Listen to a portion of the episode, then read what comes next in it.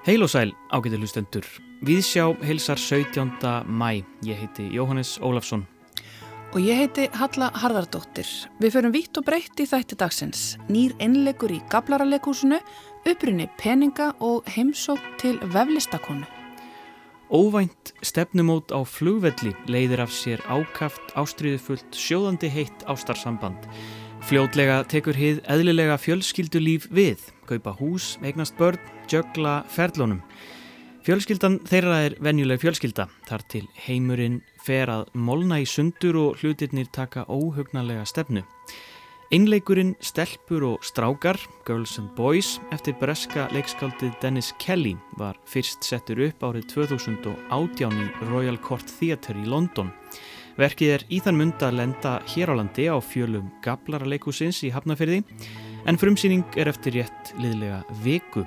Það er sviðslista hópurinn fullorðið fólk sem setur verkið upp í íslenskri þýðingu Mattíasar Tryggva Haraldssonar.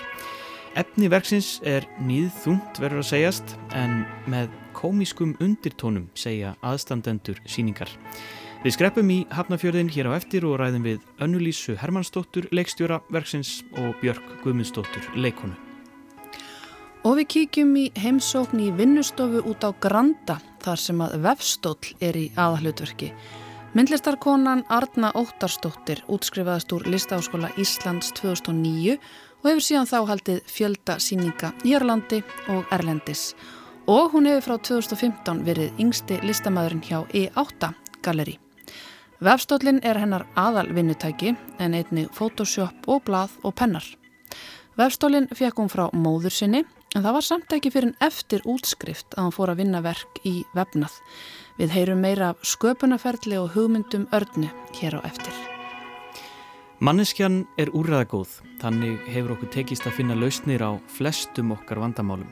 Við saumum fött og reysum hús til að verjast náttúruöflunum, finnum upp vélar, tæki, tól og aðferðir til að auðvelda okkur störf og erum einhvern veginn alltaf að leita leiða til að gera hvað svo sem það er sem við tökum okkur fyrir hendur, auðveldara og þægilegra. Segir Snorri Raffn Hallsson, pislahöfundur í Vín. Hann mætir aftur til leiks hér í Vísjá með nýja pislaröð. Í þeim fyrsta, hér á eftir, veldir hann fyrir sér uppbruna og eðli peninga, hvorki meira en minna.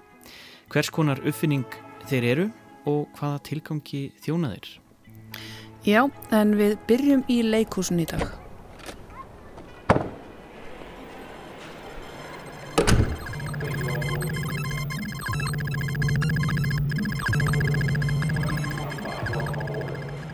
Ég hitti manni minn í boardingröðinni á leiðinni EasyJet flug og ég verð að segja að mér líkaði strax illa það.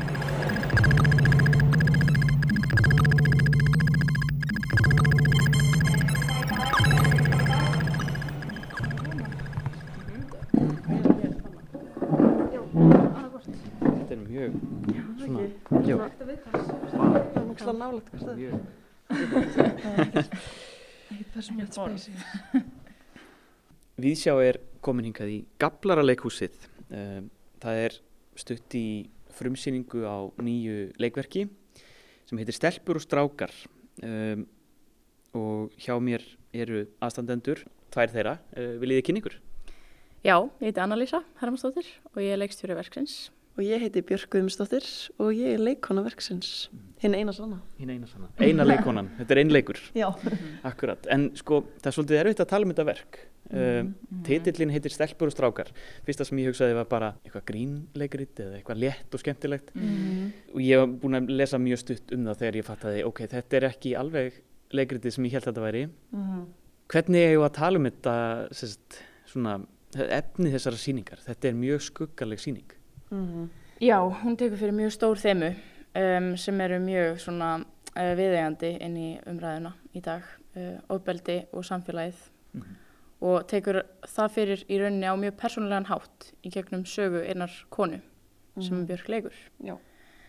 Um, en já, það er svona, einmitt, það er líka erfitt að tala um þetta verk út af því að það er hægt að spilla í rauninni, að það er hægt að spóila því sko. Mhm. Uh, Spilla því. spilla því, er það ekki það sem maður segir? Spilli efni. Jú. Spilla efni, já, Já, spilli efni. Já. Mjög gott. En já, þetta er í rauninni verk um svolítið bara um ábeldið og samfélagið eins og ég saði og hlutverk kynjana og tekur fyrir svona verstu mögulegu afleðingar þess kerfis sem við höfum búið okkur til sem heitir samfélag. Já. Og það sem er skemmtilegt við hennan karakter sem ég er að leika er að hún er, hún er svo mikið mótuð af kerfinu þó hún sé kona. Þannig hún er, eins og hún segir í leikritunni, þá segir hún, ég veit að ég er engin engill. Og hérna, þannig það er svo gaman að sjá einhvern veginn hennar sín breytast á samfélaginu líka. Einhvern veginn, hérna, að hún byrjar, staðurinn sem hún byrjar á í einleiknum er allt annar staður heldur hún endar á. Og En sama- Við getum talað um hvar hún byrjar. Það, er, það er bara frekar svona gott borgarlegt líf, ekki satt? Sko, hún hefur náttúrulega gengið í gegnum mjög margt þegar þegar verkið hefst, sko. En hún er með ákveðna grímu uppi og veit í rauninni ekki, ekki hvað hún er involveruð í bara feðraveldunni í raun og veru. Þannig, hérna, hún einhvern veginn fer í gegnum þessa sögu þannig. Ég veit ekki alveg hvað ég á að segja, Já. sko, svo ég sé ekki einmitt að búið til spilliðafni. Já, já.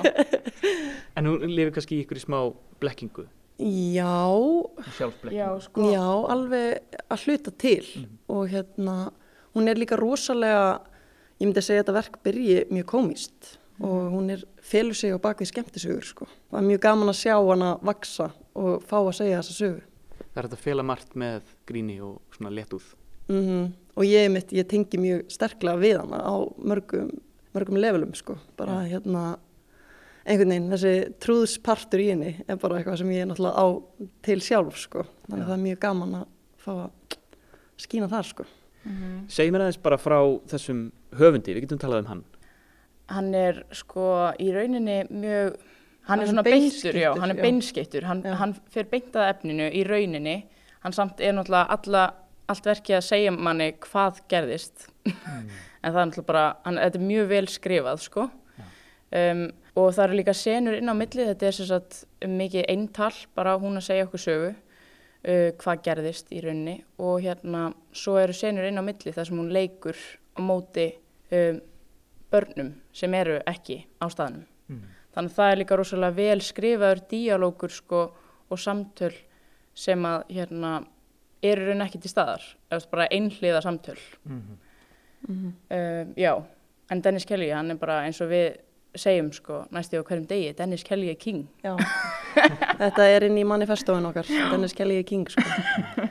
En hérna, hann er náttúrulega þekktur fyrir það að fara í svolítið dramatíska átt með hlutina eins og þetta verk tekur alveg uppeyju og fyrst þegar ég lasa þá voru örgulega fimm skipti sem ég var bara já, nú veit ég hvert það er að fara.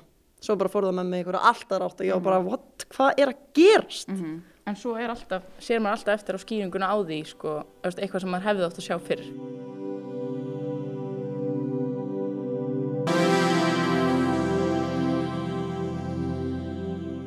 Af hverju haldið hann farið þessa leið að skrifa einleik um svona efni? Sko- fjölskylda hennar er Mhm. náttúrulega stór hluti af frásögninni en, en, en þetta er alveg frá henni. Já, það er, hann talar um það sjálfur, að hérna, þarna sé hann í rauninni að gefa bara þólanda rými um, og gefa þessari konu sína sögu, eða já, að hún fái þess að segja sína sögu án þess að vera eitthvað grátandi fórnulamb eins og við sjáum svo oft. Við erum alltaf svo heldtekinn af gerandanum og af hverju hann gerir þessa hluti, veist, hans sögu og bakgrunn. En þarna í rauninni fáum við bara hennar uh, upplifun af þessu öllu saman og hann talar um að það hafi verið mjög mikilvægt fyrir honum Já. að tala um þetta út frá þessari hlið. Akkurat. Þú sagðir að þetta tali vel inn í samfélagið. Uh, verkið var frumsýnt 2018 sem er bara ári eftir MeToo-byltinguna og, og, og, og Weinstein-skandalinu og allt það. Hvernig, sko, hvernig talar þetta við Íslenskt samfélag? Við erum á einhverjum tímamótum. Er þetta, er þetta jafn stert og þá heldur eða hvernig, hvernig lýsir svona því?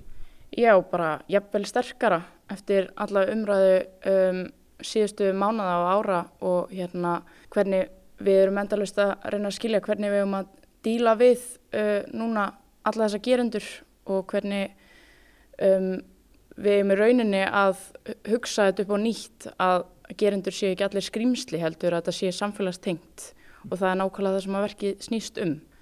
um hvernig við ölum börn upp í einhver hlutverk og af hverju eru þau svona mismunandi og hvernig verður ofbildið til í því og hvernig við höldum við, við því með þessu kerfi.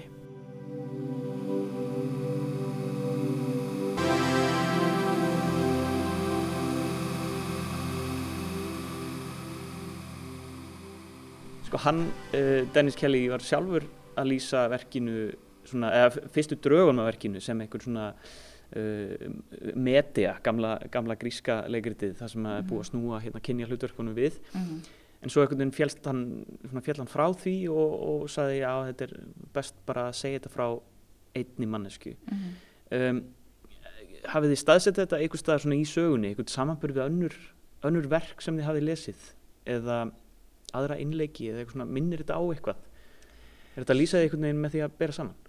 Sko, til að byrja með þá held ég að fara að sko lesa innleik eins og Fleabag setur upp hérna mm. sem er síðan eh, gerir hérna sjómaseríuna Fleabag út frá en síðan bara fer maður í bara eitthvað rússi bara og svo langt frá því sko mm. þannig að þetta verður miklu meira uh, bara fyrir inn í hverstagslífið á eins dramatískan hátt og mögulegt er sko.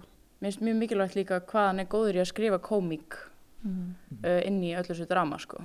Hvað þetta er, þetta er þungt viðfangsefni en það er um, auðvitað setju við triggerwarning á þessa síningu sko. En þetta er, er samt mjög skemmt. Viðvörun. Já, viðvörun Já. bara en þetta er bara mjög skemmtileg síning líka. Já.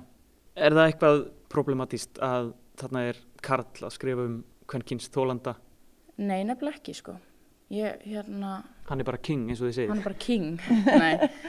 Uh, já, sko, ég hef nefnilega velt þessu fyrir mér, sko. En mér finnst þetta vera vel skrifað. Svo er líka komið svo margar konur að uppsetningunni, fyrstu uppsetningunni. Og það var kvænkis leikstjóri og svona. Mm -hmm. Að ég held að verki hafi líka mótast alveg í þeirri uppsetningu, sko. Já. Ég var allavega ekki fundið fyrir því, sko. Að, veist, mér finnst hérna... Mér finnst þessi kona einmitt vera svo vel skrifið að ég hérna, hef lítið pælt í þessu, sko. Ef við tölum bara um svona uh, vinnuferlið, nú er þið, nú er hvað vika í frumsýningu, hvernig, hvernig gengur það?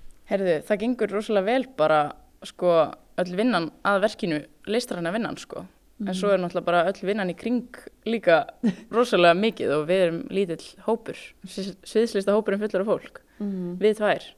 Uh, en já, þetta er bara, bara búið að ganga mjög vel og búið að vera frábært ferli sko mm. og mjög hérna gefandi og í rauninni þroskandi mm. fyrir okkur sem ungar listakonur.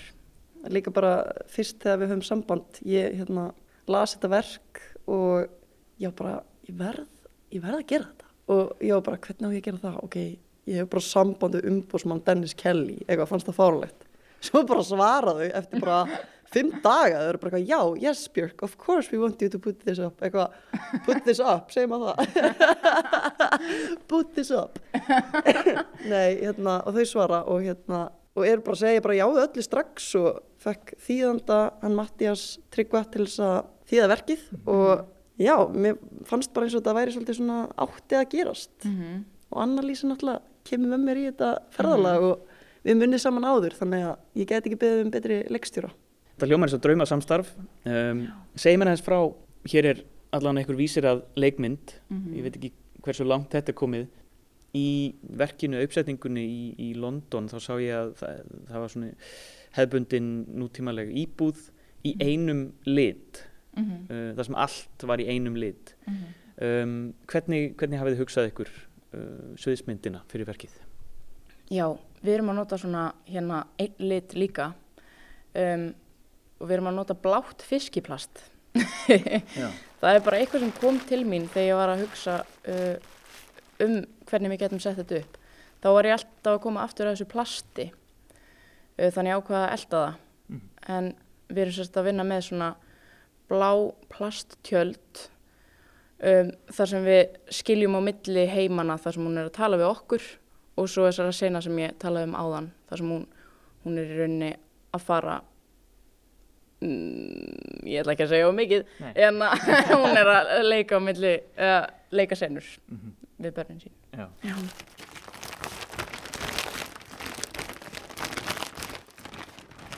Þegar við vorum að hugsa um leikmyndina þá uh, þurftum við líka að hugsa um að hafa hann ekki ofyrirferða mikla því að við erum að fara líka út á land með mm -hmm. þessa fínu leiksýningu á hérna hvað, Selfoss 30. mæ á Selfoss uh, 3. júni uh, í Dýrafjörð Já, Þingeri Þingeri, já mm -hmm. og svo Seyðisfjörð 16. júni og Borganes, eitthvað í kringu það, það kemur allt í ljós uh, en já, þannig að þetta er mjög hendugt að vera með svona plast sem að pakkast saman sko. Þannig að þetta verður farandsýning inn í sumar Já, mm -hmm. þetta verður farandsýning Það er leitt svona með einleik, það er ekki svona mikið, mikil fyrirhöfn Emmitt Já en einmitt, hún verður mismunandi sko, uppsetningin á leikmyndinni líka og svona eftir hverju og einu rými. Já, þannig að þið getið nota þetta til að aðlagast já. öllum þeim rýmum sem verða á ykkar mhm. vegi. Já, í rauninni, sko. Sko, já, það er náttúrulega, við erum búin að tala mikið undir rós hérna um, um hvað þetta verk er, en, en það er nokkuð ljóst að það er uh, efnistökin og, og, og svona, þetta er, þetta er mjög þungt og þetta er um ofbeldi eh, kynbundi ofbeldi, fjölskyldu ofbeldi, það er, það er svona, það er ymsir vinklar á þessu. Mm -hmm. En hvað vonist þið svona til þess að fólk fari með hérðan út af þessari síningu? Hvernig vonið þið að umræðan verði eftir, eftir síninguna? Ég vona að við getum átt fleiri samtöl um það að ofbeldi um, verði til í samfélagi og sé uh, kerfisbundið en ekki einstaklisbundið og að gerendur séu ekki bara einhverjir uh, eitthvað klikka fólk heldur, já, í rauninni að þetta sé kerfisbundið eins og ég sagði. Þannig að bara stór og, stór og þung umræða hérna já, í, í, um samfélagsleg vandamál, rót gróin. Já, í rauninni sko. Já. Það er bara ekkit annað. Ég held að ég sé ekkert að fara að bæta neina við þetta er svo mikið negla sko. um, þá segir ég bara Björg og Anna-Lísa takk hérlega fyrir spjallið og gangi ykkur sem allra best hérna í Gablarleikúsinu. Takk hérlega fyrir, Takk fyrir að koma til okkar.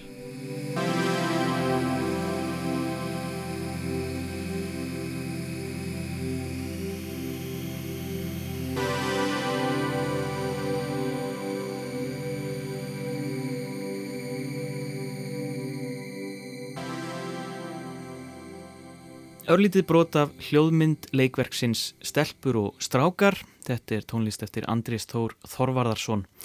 En einlengurinn verður frumsýndur á miðvöggudaginn í næstu viku 25. mæ í Gablararleikhúsinu. En við ætlum að opna veskið og hugað peningum næst. Snorri Rafn Halsson, pislaundur okkar í Vín, hann er mættur aftur til leiks hér í Vísjá með nýja pislaröð. Í þeim fyrsta sem hér fóra eftir veltir hann fyrir sér uppruna peninga, hvorki meirin í minna. Hvers konar uppfinning eru þeir og hvaða tilgangi þjóna þeir? Mannskeppnan er úræðagóð. Þannig hefur okkur tekist að lifa af á þessari harneskilegu plánetu í 300.000 ár án þess að vera neitt sérstaklega hardgir sjálf. Samanbúrið við önnur dýr erum við raunar frekar veikluleg, hægfara og, og sjálfstæð. Fyrstu árin og þau síðustu líka ef okkur auðnast erum við algjörlega upp á aðra komin. Getum varla hreift okkur á tjáð matast eða gert nokkuð sjálf. En mannskeppnan er úræðagóð. Þannig hefur okkur tekist að finna lausnir á flestum okkar vandamálum. Við saumum född og reysum hús til að verjast náttúruöflunum. Finnum upp velar, tæki, tól og aðferðir til að auðvelda okkur störf og erum einhvern veginn alltaf að leita leiða til að gera hvað svo sem það er sem við tökum okkur fyrir hendur, auðveldara og þægilegra. Þannig komumst við ekki bara af, heldur komumst við líka lengra og hraðar. Uppfinningar okkar mannana eru ekki allar eins og í dag langar við að leika mér með nýja skilgreiningu. Sjá hvort hún gengur upp. Sumar uppfinningar eru gagsæjar. Það er við vitum hvernig er virka, tilgangur þeirra likur fyrir og vandamálinn sem þeir eiga að leysa eru augljós. Tökum bílinn sem dæmi. Þessi merkasta uppfinning allra tíma, myndu sumi segja, leisti bæði hesta og hesta postulana af holmi. En það er bæði erfitt og tímafrekt að fara fótgangandi eða ríðandi allar svona ferða, hvað þá ef um langar vegalengdir er að ræða. Ramagsbílar taka svo við af bensínhákunum því þeir menga svo mikið og hvað kemur næst og hvernig við komum til með að ferðast í framtíðinni mun tíminn einn leiða í ljós. Í öllu falli hafa gagsæjar uppfinningar ákveðin frum tilgang sem ekki verður hakkað þó aðrar leiðir til að beita þeim geti komið fram. Aðrar uppfinningar eru ógagsæjar eins og gerfigreind. Og það er ekki bara vegna þess að við höfum ekki hugmynd um hvað á sér staðinn í svörtum kössunum sem eigað líka eftir mannshuganum, heldur líka vegna þess að vandamálinn sem hún leysir eru óræð. Eru kannski engin vandamál. Eru það tölvurnar sem eru ofullkomnar Eða er það við mannfólkið sem þarf að betrum bæta? Hvað er það sem gerfigreindin kemur til með að gera út af við? Tímin einn mun leiða það í ljós, en ógagsæjar uppfinningar, öfugt við gagsæjar, hafa engan frum tilgang. Það skiptir meira máli hvað þær gera og hvernig þeim er beitt en hvað þeim var uppaflega ætlað. En þá að efni þessa pistils, peningum. Þeirri uppfinningu sem gerir allt auðveldara og þægilegra. Eru peningar gagsæ eða ógagsæ uppfinning? Hver er tilgangur þeirra og hvaða vandamál var þeim ætlað að leysa? Allt frá dögum Adam Smith og auðilegð þjóðana hafa hagfræðingar gefið sér einföld ættbolka samfélag til að skýra það hvernig peningar urðu til og sagan er einhvern veginn svona. Einu sinni var verkaskiptingin einföld. Konur elduðu, sáum börn og söpnuðu mat. Karlar veittu og byggðu hús. En á einhverjum tímaponti uppgötaði fólk meiri sérhefingu. Þeir sem voru góðir í að verka leður, smíða örvar, boga eða hús, hættu að veiða og einbeittu sér að því sem þeir gerðu best. Í staðinn skiptu þeir á afurðum sínum fyrir afrakstur veiðana. Það var alltaf hægt að finna einhvern til að skipta við því alla vandar jú mat, skjól og veiðafæri og framleginni og skilvirkni jökust til muna. Svo stökkum við fram í tíman, þar sem sérhæfingin er orðinað yðin. Engin er sjálfum sér nógur lengur. Vinnan, afriðirnar og þarfirnar eru orðnar floknari. Hvernig gengi það fyrir sig í hreinu og beinu vöruskipta hægkerfi? Ef skóaran vantar ekki brauð myndi bakarinn ganga berfættur.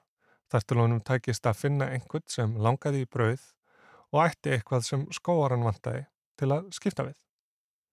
Tækist honum það ekki verða engin skipti. Hér likur vandamálið fyrir.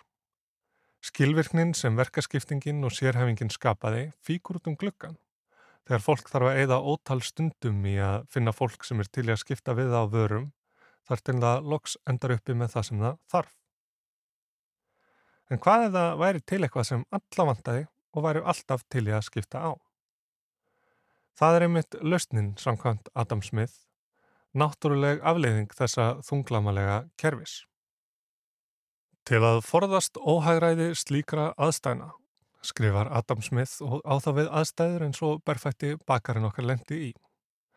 Hlýtur hver hyggin maður á hverjum tíma samfélagsins eftir að verkaskipting komst fyrst á, náttúrulega að hafa hagað sínum málum þannig að eiga ávalt auk tiltekina ávaksta eigin yðnaðar, tiltekið magna af einni eða annari vöru sem hann ímynda sér að fáir myndu fúlsa við í skiptum fyrir ávexti þeirra yðnaðar. Salt, skelljar, tóbak, sigur eða peningar. Bingo! Þetta meika sens. Svona hljóta peningar að hafa orðið til. Til að liðka fyrir skiptum og síðar til að halda bækur og geima verðmæti. Ef það er tilfellið þá likur nokkuð ljóst fyrir að peningar eru gagsæ og afar gagleg uppfinning með skýran tilgang og sparar okkur bæði tíma og fyrirhöfn. En í hundrað ár hefur minnsta hafa mannfræðingar reynd að vekja máls á því að það sé ekki og hafi aldrei verið fótur fyrir henni svo kallu vöru skipta góðsögn. Eins og svo margar sögur sem liggja hugmyndum okkar um heiminn til grundvallar er hún lítið annað en lífsegur tilbúningur. Það sem einhverjir töldu almenna skinnsemi, náttúrulegt eða hljóti bara að vera, verður að viðteknum sannindum.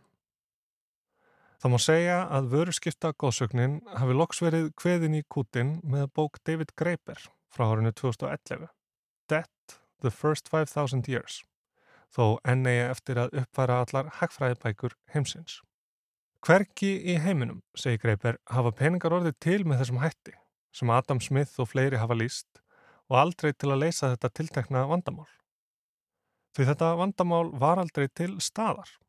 Vöruskipti áttu sér aðalega stað millir fólk sem þekktist lítið sem ekkert, millir ólíkra ættbolka í gjafaskipta rituálum og svo framvegis. Það þurfti aldrei neitt að fara í leiðangur með brauðið sitt til að skipta því fyrir spýtur, til að skipta fyrir klæði, til að skipta fyrir nagla sem skóarinn í næsta húsi hafði áhuga á. Nágrannar hjálpa hver öðrum, lána og fá borgað tilbaka síðar. Í einsta kjarnar peninga eru því ekki skipti heldur skuldir. Ég lofa að borga þér síðar fyrir það sem ég fæ núna. Og þar sem ég er maður orðaminna er þér frjálst að selja þetta lofvörð áfram. Hér koma tröst og persónuleg tengsl inn í myndina, nokkuð sem alltaf flækir málinn. Þetta er ekki bara viðskipti, heldur samskipti og sambönd. Svo peningar eru korki eins einfaldir og gagsægir og látið hefur verið. En hvers vegna viljum við láta eins og vöru skipta góðsögnin sé sönn? Einn skýring er mögulega svo að ef peningar eru gagsægir er tilgangur þeirra byggður inn í uppfinninguna sjálfa. Þeir leistu vandamálið með öflun nöðsinja, en fleitt okkur líka lengra og hraðar inn í það að uppfyll ekki bara þarfir heldur langanir. Ef góðsögnin er sönn, eru peningar uppfinning mannsins sem vil hranka þeim að sér og til þess eru þeir. Þessu fylgja svo forskriftir um hvað hyggin maður myndi eðlulega, náttúrulega og óhjákvæmilega í öllum aðstæðum taka sér fyrir hendur og hvernig hann myndi haga málum sínum. Vöru skipta góðsögnin er upprunasaga hagverunar, homo economicus sem aldrei fær nóg og peningar eru tæki hennar til að vanka hagsinn. Það sem við þurfum svo öll á peningum að halda til að lifa af, ættum við öll að fylgja lögmálum hennar. Fara eftir reiknireglum hagfræðinar sem fættist á sama tíma og hagverðan skreið úr móður kviði Adam Smith og hefur ráðið högum manna allar götur síðan. Með því að endurtaka þessa sögu í sífellu, réttlætir hagfræðin grunnforsendur sínar og skilgreinir svið sitt óháð samhengi og samfélagi. Hún einn á tilkall til umfjöllunar um peninga út frá eigin abstrakt lögmálum. Ef peningar eru aftur á móti ógagsægir, skiptir kannski ekki svo miklu máli hvernig þeir urðu til, heldur miklu frekar hvernig þeir virka, til hvers þeir eru í raun notaðir og hvað þeir gera. Það opnast þá um leið á önnur sjónarhótt og peningar hætti að vera bara skiptamiðill, bókaldseining og verðmættavarsla, heldur svo margt annað og miklu meira. Nánarum það í næstu pislum.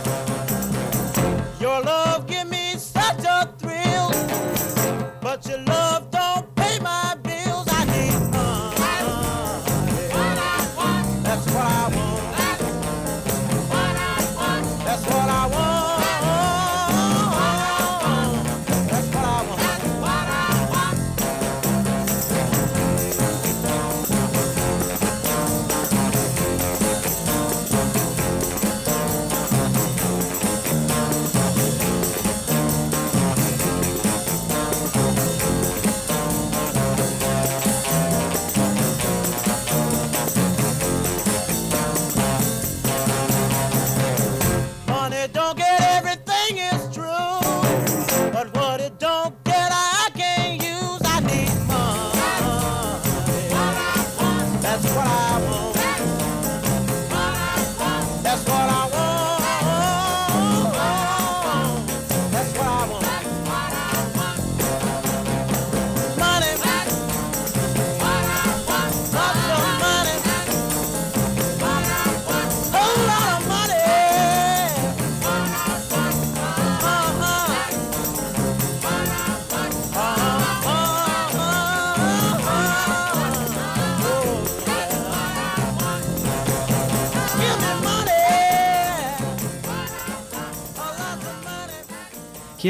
söng Barrett Strong um peninga, Money That's What I Want, frá árni 1959. Peningarnir eru kannski bara allt sem við þráum þegar allt kemur til aðs. Snorri Rapp Hadsson fjallaði þar áður um uppruna og eðli þessa fyrirbæris, peninga. Fyrsti pistill hans í nýri röð, meirum það í næstu viku. En við ætlum að halda næst út á Granda.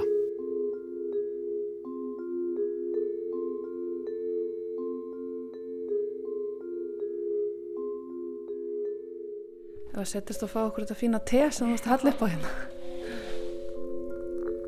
Ég er komin í vinnustofu heimsókn til Örnu Óttarsdóttur. Vinnustofan er staðsett út á Granda á Holmaslóð þar sem að margir myndlistarmenn hafa aðstöðu á vegum sím. Bjartur og fallegur dagur er að vakna og Arna býður upp á uppáhalds teð sitt. Við erum umkringdar gardni og allskins textil, tækjum á tólum til vefnaðar og svo likur auðvitað tölva á borðinu, tæki sem Arna notar mikið við sköpunarferlið og svo auðvitað pennar og pappir. Arna Óttarsdóttir útskrifaðist úr listaháskólanum 2009 og hefur síðan tekið þátt í fjöldasýninga og 2015 varð hún hluti af listamannahóp í átta galerísins. Arna vinnur fyrst og fremst með vefnað á frekar óheðbundin hátt og mér hefur lengi langað til að heimsækja hana á vinnustofuna og sjá hvernig hún vinnur. Eiginlega frá því ég sá verk eftir hana í fyrsta sinn og hinga er ég komin. Þetta er aldrei fín vinnustofa. Já, takk. Björt og fallið þó að við höfum hérna næstu í fóki þegar við opnum útiderinnar. Það er alltaf rókinn út á granda, er það ekki? Jú, jú. Þa, það er mjög algengt sko og sérstaklega í hérna þessu góða porti sko, eða bíla, bílastæði. En þetta er bjart og fallegt og hér inni auðvitað úr og grúur af alls konar skemmtilegu dóti. Það er mjög mikið á húsgögnum hérna. Já, hérna ég og maðurinn minn, Guðmundur Tórsen, deilum vinnustofu sem sagt og reynum svona að vera að það er bara 50-50 skipting sko svona og alveg, já, en hérna, já, hann er alveg djúpt sokkin í notuð húsgögg sem sagt. það er svona hans aðal áhugamál, myndi ég segja núna.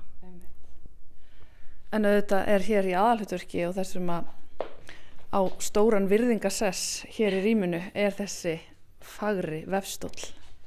Já, þetta er sænskur vefstól sem að mamma mín átti, hún var í mynd og hand í textildeild þar. Um, en var samt ekkit, svona hennar aðal var ekkit vef sko, en ég minna alveg nóg til að hún skilur pantaði þennan stól og, og var fluttur inn og hérna, en og hann var svona upp í stofu þegar ég var krakki en það, þú veist, ég man mest eftir að hafa verið að leika mér Já. svona í honum, þú veist, ekki endilega að hafa verið mikið svona verið að vinna á hann en bara ótrúlega heppin að þú veist að þetta er dýr græja Mm -hmm. að hérna hún, hún átti hann niður geimslu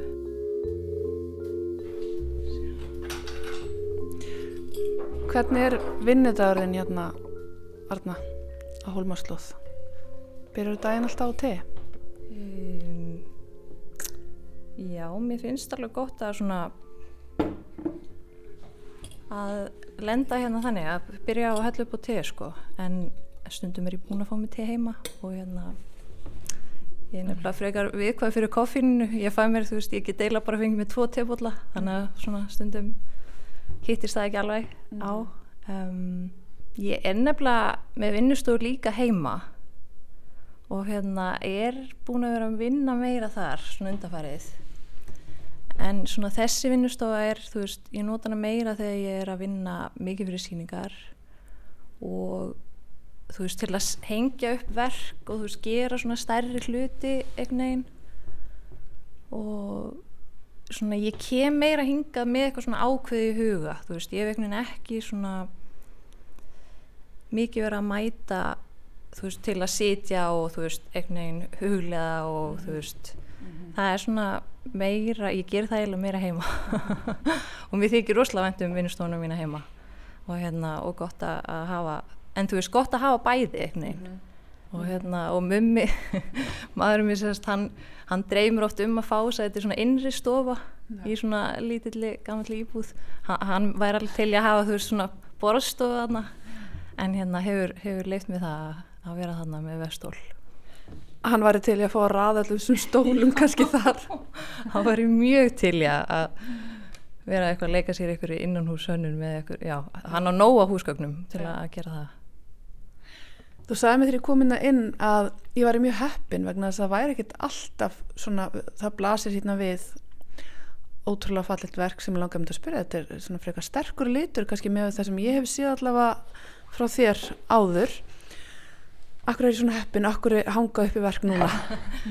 Já, ég er sérst að byrja að vinna fyrir síningu, enga síningu í átta sem á að opna svona haustvetur á þessu ári og henni hefur frestað svolítið og þú veist kom upp önnu síning og svo bara COVID og eitthvað þannig að hérna, hún er loksins svona, svona komin í gangi því og hérna og er búin að vera að gera mjög mikið að tilraunum og er sérst komið með tvö nýju verk hérna sem að þú fær að sjá.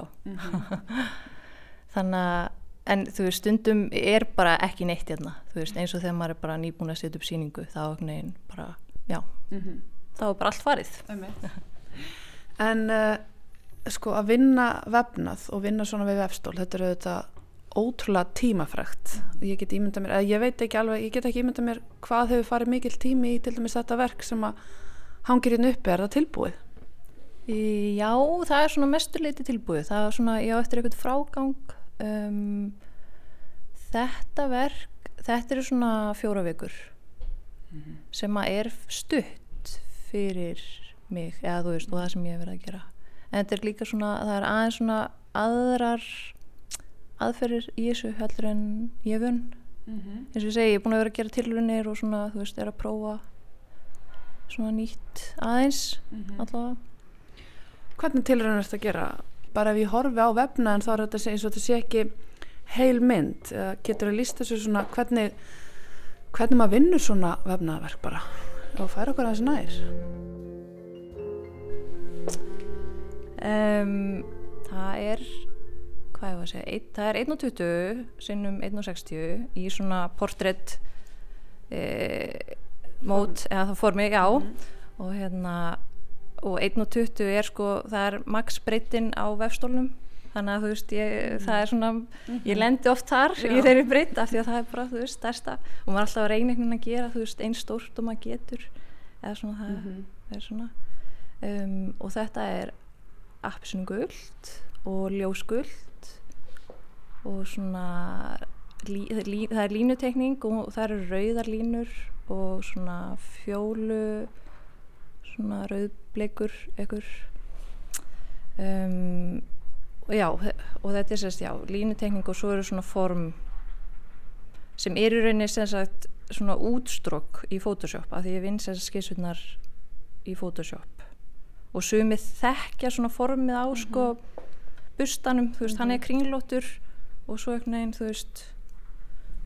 En ég meina aðri tengja ekkert við það, þú veist, og hafa ekkert notað Photoshop og þú veist, einhvern veginn um, já, og svo það er sérst þessi fingjara líntekning og þú veist, það er svolítið sem ég hef verið að vinna mikið með.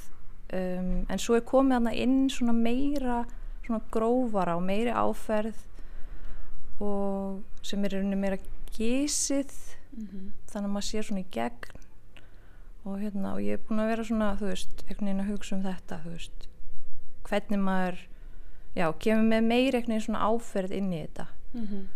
Og hérna, af því að verkin sem ég var að gera á undan þessu voru sko í rosalega fingir eða svona bómull og einhvern veginn sem að þú veist, ég bara kann mjög vel við og þú veist, og mér finnst það einhvern veginn alveg meika sens svona með þú veist, að setja línutekningu í það, þú veist, egnin er svona nálægt egnin svona blað, eða þú veist, að ég veit það ekki Mhm. allavega, en þau voru mjög svona fingerð og mjög flöt þannig að þú veist mér langaði í eitthvað svona meira svona, sem hefði meira áferð. Þú ert ennþá að vinna með þessar skissur og, og, og þá tækni en, en kannski gera meira tilraunar með bara þá miðilinn sjálfan. já, bara Já. þú veist, e algjörlega þú veist, að leifa honum einhvern veginn að svona, já, Einmitt.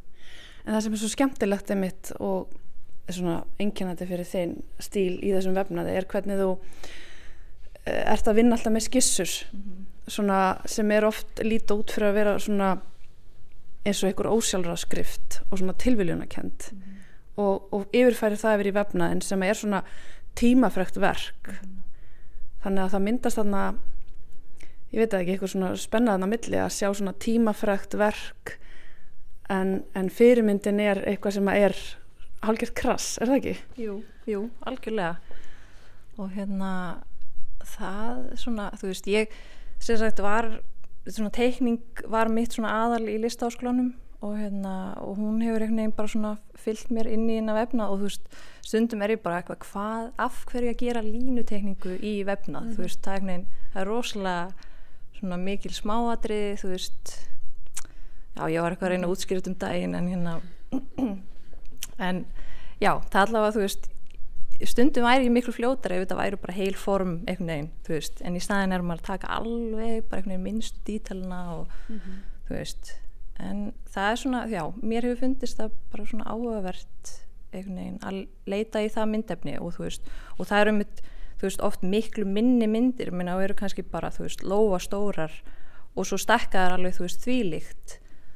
Og hérna, og ég man alveg þú veist, í skólanum þá já, eins og ég segi, þá er ég að teikna og þú veist, og þá er eitthvað kennari sem var eitthvað já, hefur, þú veist, vill ekki prófa að teikna stórt?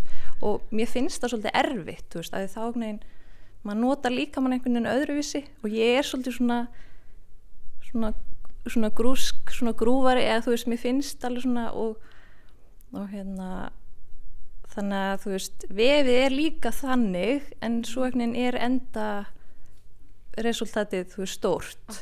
Já, þannig að þú veist, þetta er svona mjög í rauninni hendug stærð, allavega fyrir mig til að þú veist, stækka og bara gera stóru verk af því að þú veist, maður er einhvern veginn alltaf samt í bara einhverju rosa fínvinnu, þú veist Einmitt. Já, og líka svona hverstarslegt dúll, þú veist, Já. það er hérna ég veit ekki, ertu alltaf með skissubókina á þér eða hvernig, hvernig virkar þetta? Nei, ég er nefnilega ekkert eitthvað rosa mikið með hann á mér en hérna, en á bara svona rosalega gott safn af einhverju alls konar dóti. Sko ég hef mest verið að nota þú veist, þess, úr mínum eigin skissubókum. Og það er meira svona þú veist, einhvern veginn maður sest niður og ætlar að reysa upp einhverju hugmynd og gera það rosalega hratt og þú veist, og þá einhvern veginn kemur einhver svona teikning sem að er ekki þú veist, ætla að standa sem teikning eins og hún er. En það er svolítið svona áhugavert einhvern veginn að þú veist, nota hana bara eins og hún er Einmitt, en það sem við sjáum hérna uh, svona bara hugsunarferli sem er ekkert á leiðina á okkur ákveðin stað. Já, Einmitt. algjörlega.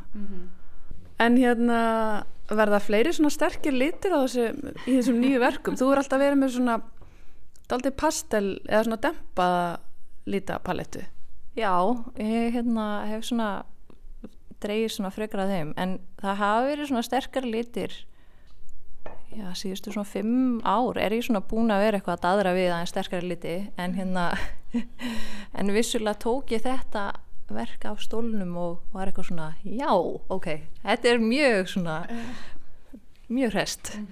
En hérna, þannig ég veit ekki alveg svona ég er ekki alveg búin að ákveða svo er hérna annað nýtt verk og það er þú veist dökk blátt sem er líka sterkur litur en svona það er öðruvísi kannski svona áhrifin einhvern veginn ekki jafn svona æbandi á þessi appisinguli alveg mjög appisingult Hefur ekki oft verið spurðaði hvort það sé eitthvað svona uh, sögn í því að þú sért að vinna með kvenlegan miðil og kvenlega liti eða hvað?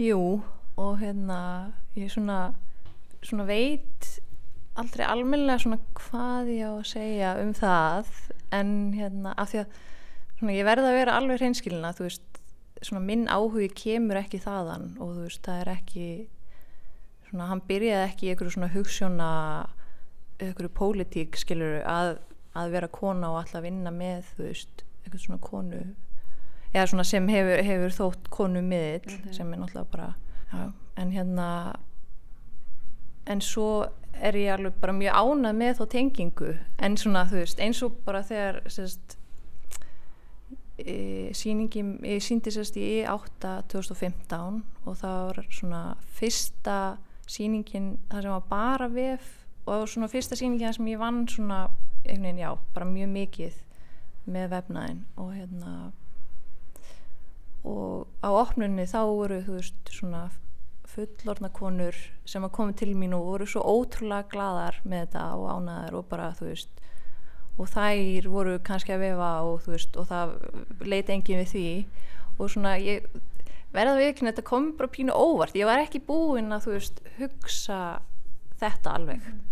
Af því að ég hef bara verið ótrúlega heppin þú veist og sko heppin og líka stundum held ég að sé bara svona eitthvað svona pínu fattlaus eða svona eitthvað gerir bara svona það sem mig langar og þú veist eitthvað, já, Einmitt, eins og sagður áðan, vefstóllin þetta kom eiginlega bara fyrir tilviljun til þín eh, sko eftir listaháskólan er það ekki, að þú fórst að svona prófað áfram og hvað, lærðir bara sjálf á hann er það ekki? jú ég er sjálflærð í vefnaði en hérna sem er svona já, ég, þú veist, það hefur sína kosti og galla og hérna ég meina oft eru myndlistamenn einhvern veginn svona að reyna að aflæra eitthvað sem er læri skólaskilur og þú veist og eitthvað, ég þarf ekki að gera það en hérna, en stundum hefði ég alveg verið til í að þú veist alls konar hefði tekið miklu stittri tíma eða þú veist, náttúrulega skóli er svo frábær að þú veist, þú fær svo mikið af upplýsingum á þannig sér stutnum tíma. Og hérna og svona í sögum tilvikum hefði ég alveg verið til í þann svona bakgrunn en en að samanskapið, þú veist, þá hef ég einhvern veginn gert bara hlutina, þú veist fikra mig einhvern veginn áfram hvað, þú veist vil ég gera og reyndi einhvern veginn að finna út úr því og þú veist og ég held alveg að mörguleiti séu verki mín sko ekki alveg svona 100% hefbundin en þú veist, svona uh, almennt er ég bara þakklátt fyrir að hérna vera sjálflæri eða þannig En ef við tölum aðeins um sko, þú talar um áðan að það væri engin svona meðvitu pólitík í því sem þú verður að gera en hérna þessi áhuga á því hverstaslega og svona þessu svona tilviljunarkendum fyrirmyndum og, og svona því ókláraða og kannski ófullkomna uh, hvað hillar við þann heim?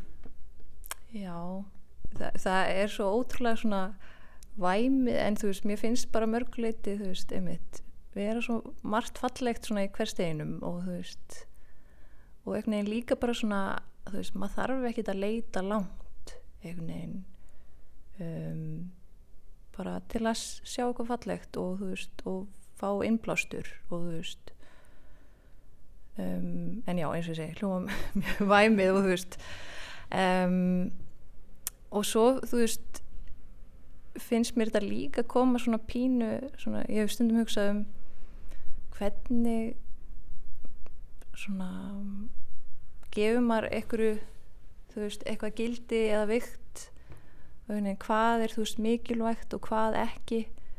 Og ég held að sé stundum líka að koma með einhverjum svona kvíða eða þú veist valkvíða þú veist, einhvern veginn veist, og hvernig getur maður sagt að eitthvað sé mikilvægara en annað þú veist, hvað einhvern veginn? Já, bara þú veist það er alveg mjög áhugavert. Og ég meina, og þá getur maður líka alveg farið út í skiluru þú veist, konur, konustörf þú veist, eru þau ómikilvægari þú veist og einhvern veginn, þú veist, hvað hvað einhvern veginn maður sýnir og hvað þú veist, um mig þegar maður er myndlistamæður hvað maður dregur fram og þú veist, hvað maður situr á sýningu og hvað ekki, einhvern veginn. Já, kannski er eitthvað ákveðin ómeðvituð pólitísk sögn samt í því að ákveða að gefa einhverjum hlutum vægi og ekki öðrum kannski er maður, minna, ég veit ekki er kannski bara allt pólitík. Bara 100% sko. En hérna, og þú veist, og eins og ég segi þú veist, ég, ég hef ég líti ekkert á mínu verk sem eitthvað ópólitísk, af því einmitt þú veist, ekkert er það, skiluru en hérna, en svona, þú veist það kemur kannski ekki upphaflega frá þeim stað, þú veist að vera að taka rosalega mikla afstöðu. En þú veist, svo einhvern veginn ég meina, ef maður fyrir að skoða hlutina þú veist þú veist, til dæmis þegar ég var í, í listaháskólanum þá, þú veist eru svona tvö minnista svona atvik sem voru mjög lítil en hérna, ég var einhverjum kurs og hérna, og ég held að kennan hafi verið bara pínu pyrraðar og öllum og hann kom einhvern veginn inn og hérna og ég var, sérst, var að teikna og svo var ég að líma þú veist, skera út pappir og líma svona kleipimynda hérna eitthvað. Og hann kom til mín og sagði eitthvað já, já þú ert ennþá að föndra. Og ég eitthvað, já. Þú veist. Og þá náttúrulega þú veist, ég meina eitthvað föndur er ekki droslega jákvætt.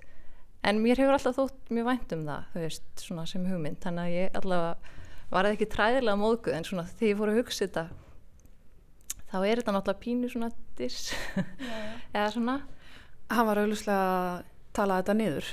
Já, og hérna já, og það er bara, þú veist, áhugavert og stoppaði mig allavega ekkit eh, í þessu sem betur fyrr en hérna, eins og ég segi, ég tók þetta ekkit mjög svona inn á mig. En, en já, og svo man ég, það var ekkert tíma svona einhver viðtöl og kom listamæður og þá erum við eitthvað svona bútasumsverk sem að ég hef ekkert verið mikið að gera en gerði eitt verk í hérna listaskólanum og hann kom og eitthvað og honum fannst þér svo svona kvenlegt inn á vinnustónu, svo var hann einhvern veginn allt viðtalið að afsaka það að hafa einhvern veginn mm. sko merta sem það. Og hérna, og eins og ég segi, þú veist, þetta eru mjög svona lítil atvik en svona já. Sem þú er kannski samt búin að blása doldu upp á ferlinum, eða hvað? Já, kannski bara þú veist búin að taka þetta og bara já, þetta er kvenlegt, þetta er föndur. Eitthvað, velkomin á síningunum mína eitthvað Takk fyrir spjallið og laka til að sjá þessa síningu sem þú ætlar að halda áfram að vinna í hér og mun opna bara í haust í E8. Já, bara takk kærlega fyrir heimsóknuna